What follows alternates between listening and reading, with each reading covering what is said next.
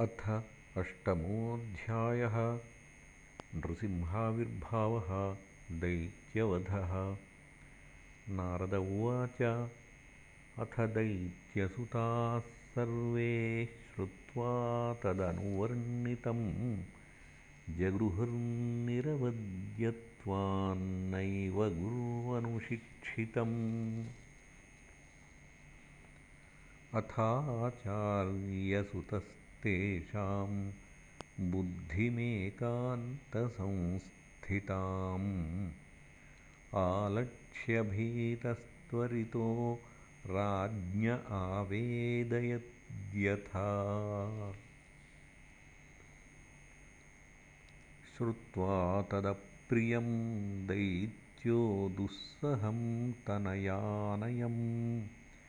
कोपावेशचलद्गात् पुत्रं। हन्तुं मनोदधे। क्षिप्त्वा परुषया वाचा प्रह्लादमतदर्हणम्। आहेक्षमाणः पापेन तिरश्चीनेन चक्षुषा प्रश्रयावनतं दान्तं बद्धाञ्जलिमवस्थितं सर्पः पदाहत इव श्वसन् प्रकृतिदारुणः। हिरण्यकशिपुरुवाच हे दुर्विनीतमन्दात्मन् कुलभेदकराधमा। स्तब्धं मच्छासनोद्भूतं नेष्ये त्वाद्य यमक्षयम्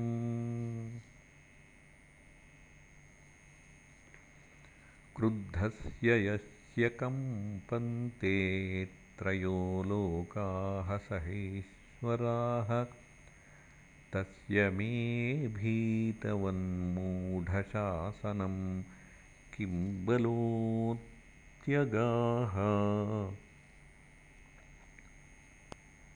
प्रह्लाद उवाच न केवलं मे भवतश्च राजन् स वै बलं बलिनाञ्चापरेषाम् परे वरेमी स्थिरजङ्गमाये ब्रह्मादयो येन वशं प्रणीताः। स ईश्वरः काल उरुक्रमोऽसावोजःसहः सत्त्वबलेन्द्रियात्मा स एव विश्वं परमस्वशक्तिभिः सृजत्यवत्यत्ति गुणत्रयेशः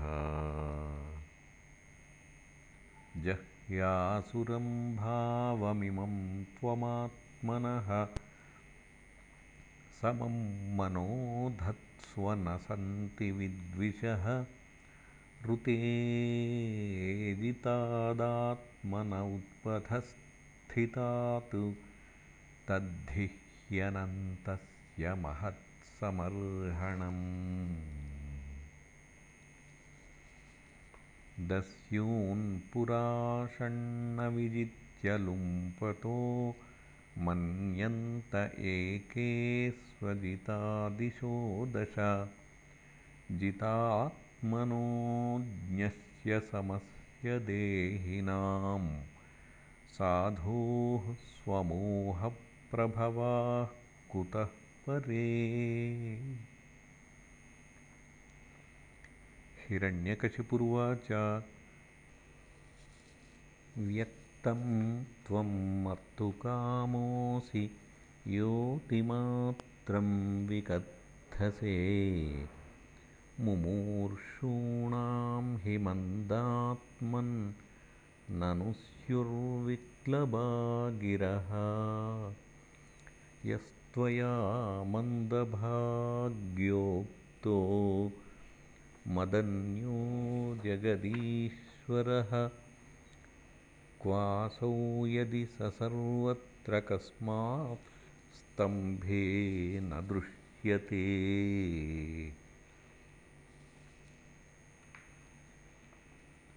सोऽहं विकत्थमानस्य शिरः कायाद्धरामि ते। गोपायेतहरिस्त्वाद्य यस्ते शरणमीप्सितम्। एवं दुरुक्तैर्मुहुरर्दयन्नृषा सुतं महाभागवतं महासुरः खड्गं प्रगृह्योत्पतितो वरासनात् स्तम्भं तताडातिबलस्वमुष्टिना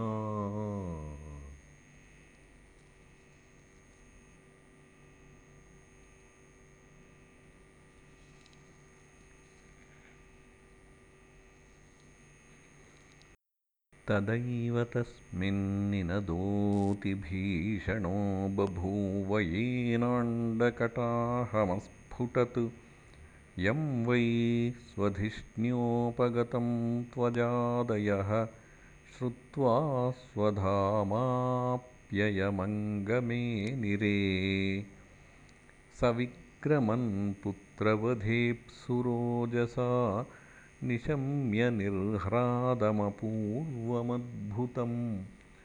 अन्तःसभायां न ददर्श तत्पदं वितत्रसूर्येण सुरारियूथपाः। सत्यं विधातुं निजभृत्यभाषितं व्याप्तिं च भूतेष्वखिलेषु चात्मनः अदृश्यतात्यद्भुतरूपमुद्वहन्। स्तम्भे सभायां न मृगं न मानुषम् स सत्त्वमेनं परितो विपश्यन् स्तम्भस्य मध्यादनुनिर्जिहानम्। नायं मृगो नापि नरो विचित्रम्। अहो किमेतन्नृमृगेन्द्ररूपम् मीमांसमानस्य समुत्थितोऽग्रतो नृसिंहरूपस्तदलं भयानकम्। प्रतप् चामीकरचण्डलोचनं स्फुरत्सटाकेसरजृम्भिताननं कराळदंष्ट्रं करवालचञ्चलक्षुरान्तजिह्वं भ्रुकुटीमुखोल्बणम् स्तब्धोर्ध्वकर्णं गिरिकन्दराद्भुतव्यात्तास् हनुभेदभीषणम्। दिवि स्पृशत्कायमदीर्घपीवरग्रीवोर्वक्षस्थलमल्पमध्यमम् चन्द्रांशुगौरैश्छुरितं तनूरुहैः।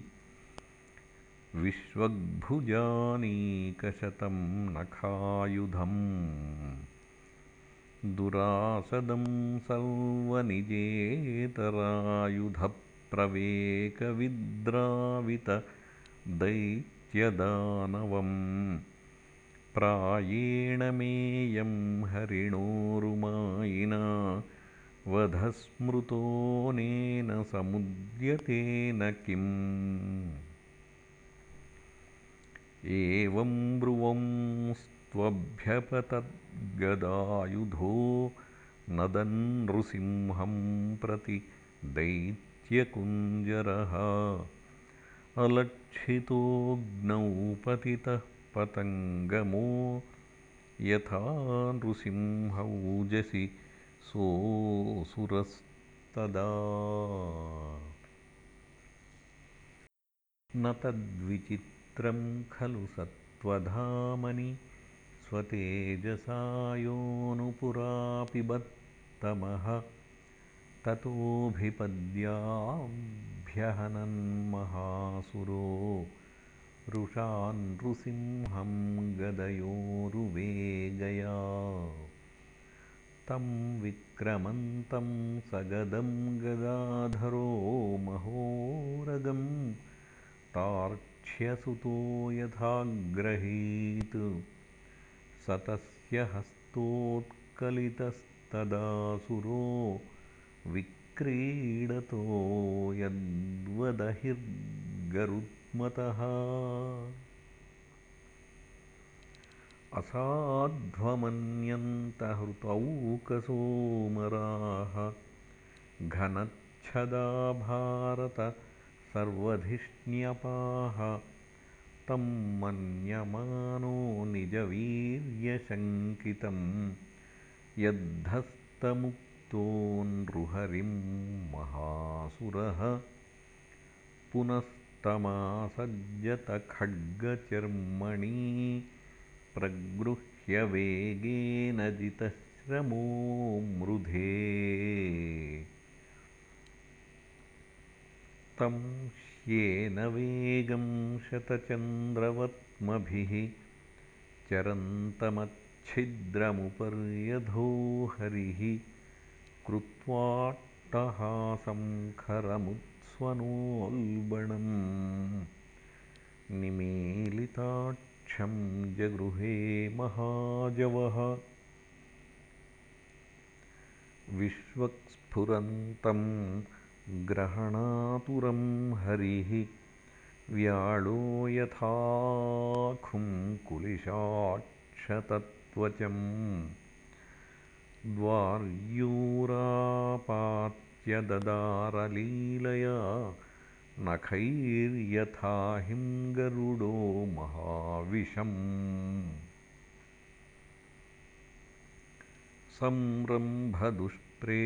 संरम्भदुष्प्रेक्ष्यकराळलोचनो व्यात्ताननान्तं विलिहन् स्वजिह्वया असृग्लवाक्तारुणकेसराननो यथान्त्रमालीद्विपहत्यया हरिः नखाङ्कुरोत्पाटितहृत्सरोरुहं विसृज्य तस्यानुचरानुदायुधान् अहन्समन्तान्नखशस्त्रपार्ष्णिभिः दोर्दण्डयूथोऽनुपथान् सहस्रशः।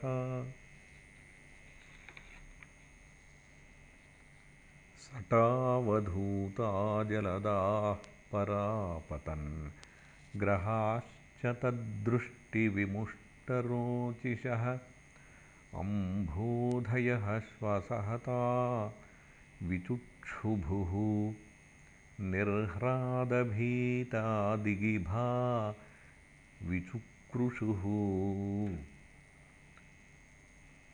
द्यौस्तत्सटोत्क्षिप्तविमानसङ्कुला प्रोत्सर्पतक्ष्मा च पदातिपीडिता शैलाः समुत्पेतुरमुष्यरंहसा तत्तेजसा ककुभो नरेजिरे ततः सभायामुपविष्टमुत्तमे नृपासने सम्भृततेजसं विभुम्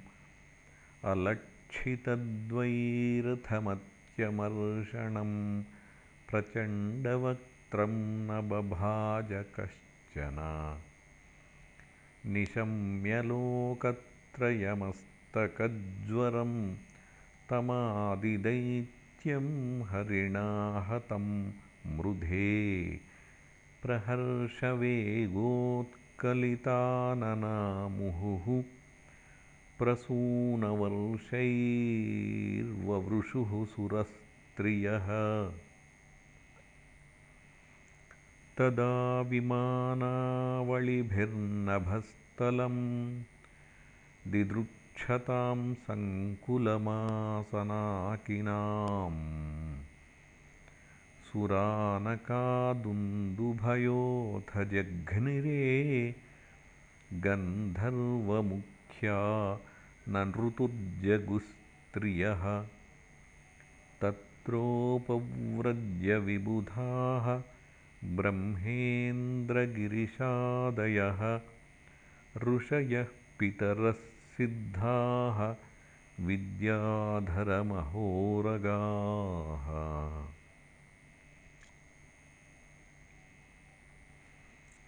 मनवः प्रजानां पतयो गन्धर्वाप्सरचारणाः यक्षाः किं पुरुषास्तात बेताळाः सिद्धकिन्नराः। ते विष्णुपार्षदाः सर्वे सुनन्दकुमुदादयः मूर्ध्नि बद्धाञ्जलिपुटाः आसीनं तीव्रतेजसम् ईडिरे नरशार्दूलं नातिदुरचराः पृथक्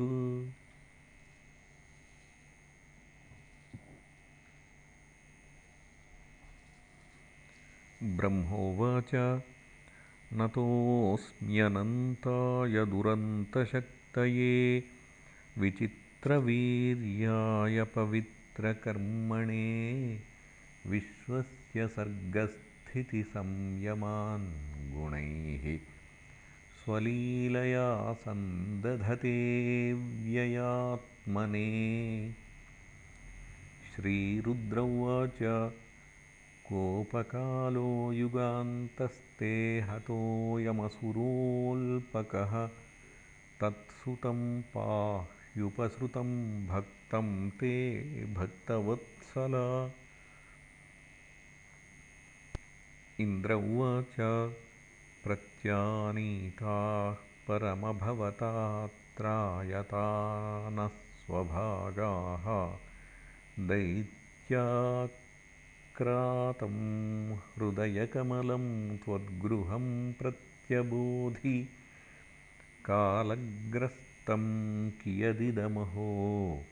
नाथ शुश्रूषतां ते मुक्तिस्तेषां न हि बहुमता नारसिंहापरैः किम्? ऋषयौचुः त्वं नस्तपः परममात्थयदात्मतेजो येनेदमादिपुरुषात्मगतं ससर्ज तद्विप्रलुप्तममुनाद्यशरण्यपाल रक्षागृहीतवपुषा पुनरन्वमंस्थाः। पितरऊचुः श्राद्धानि नोऽधि बुभजे प्रसभन्तनूजैः दत्तानि तीर्थसमयेऽप्यपिबत्तिलाम्बू तस्योदरान्नखविदीर्णवपाद्य आर्च्छतु तस्मै नमो नृहरयेऽखिलधर्मगोप्त्रे सिद्धाऊचुः यो नो गतिं योगसिद्धामसाधुः। अहार्षीद्योगतपोबलेन नानादर्पं तं नखैर्निददार तस्मै तुभ्यं प्रणताः स्मो नृसिंह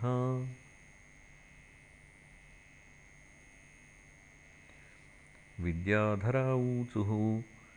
विद्यां पृथग्धारणयानुराद्धां न्यषेधदज्ञो बलवीर्यदृप्तः। स येन सङ्ख्ये पशुवद्धतस्तं मायानृसिंहं प्रणताः स्म नित्यम्। नागाऊचुः येन पापेन रत्नानि स्त्रीरत्नानि हृतानि नः। तद्वक्षः पाटनेनासां दत्तानन्दनमोऽस्तु ते। मनवौचुः मनवो वयं तव निदेशकारिणो दितिजेन देवपरिभूतसेतवः भवता खलः स उपसंहृतः प्रभो करवामते किमनुषाधिकिङ्करान् प्रजापते ऊचुः प्रजेशा वयन्ते परेशाभिसृष्टाः। न येन प्रजा वै सृजामो निषिद्धाः। स एष त्वया भिन्नवक्षानुशेते जगन्मङ्गलं सत्त्वमूर्तेऽवतारः। गन्धर्वाऊचुः वयं विभोते नटनाट्यगायकाः येनात्मसाद्वीर्यबलौजसा कृताः स एष नीतो भवता दशामिमां किमुत्पथस्थः कुशलाय कल्पते। चारण ऊचुः हरे तवाङ्घ्रिपङ्कजं भवापवर्गमाश्रिताः। यदेष साधुहृच्छयस्त्वया सुरः समापितः यक्षा ऊचुः वयमनुचरमुख्याः कर्मभिस्ते मनोज्ञैः। त इह दितिसुतेन प्रापितावाहकत्वं। स तु जनपरितापं तत्कृतं जानता ते नरहर उपनीतः पञ्चतां पञ्चविंश किं पुरुषा ऊचुः? वयं किं पुरुषास्त्वं तु महापुरुषैश्वरः। अयं कुपुरुषो नष्टो धिक्कृतः साधुभिर्यदा। वैताळिका ऊचुः सभासु सत्रेषु तवामलं यशो। गीत्वा सपर्यां महतीं लभामहे। यस्तां व्यनैषीद्भृशमेष दुर्जनो दिष्ट्या हतस्ते भगवन् यथामयः। किन्नर ऊचुः वयमीशकिन्नरगणास्तवानुगाः दितिजेन विष्टिममुनानुकारिताः भवता हरे सवृजिनोऽवसादितो नरसिंहनाथविभवाय नो भव। विष्णुपारिषदा ऊचुः। अद्वैतन्नरहरिरूपमद्भुतं ते दृष्टं नः शरणद सर्वलोकशर्म सोऽयं ते विधिकर ईश विप्रशप्तः तस्येदं निधनमनुग्रहाय विद्मः। इति श्रीमद्भागवते महापुराणे पारमहंस्यां संहितायां सप्तमस्कन्धे अष्टमोऽध्यायः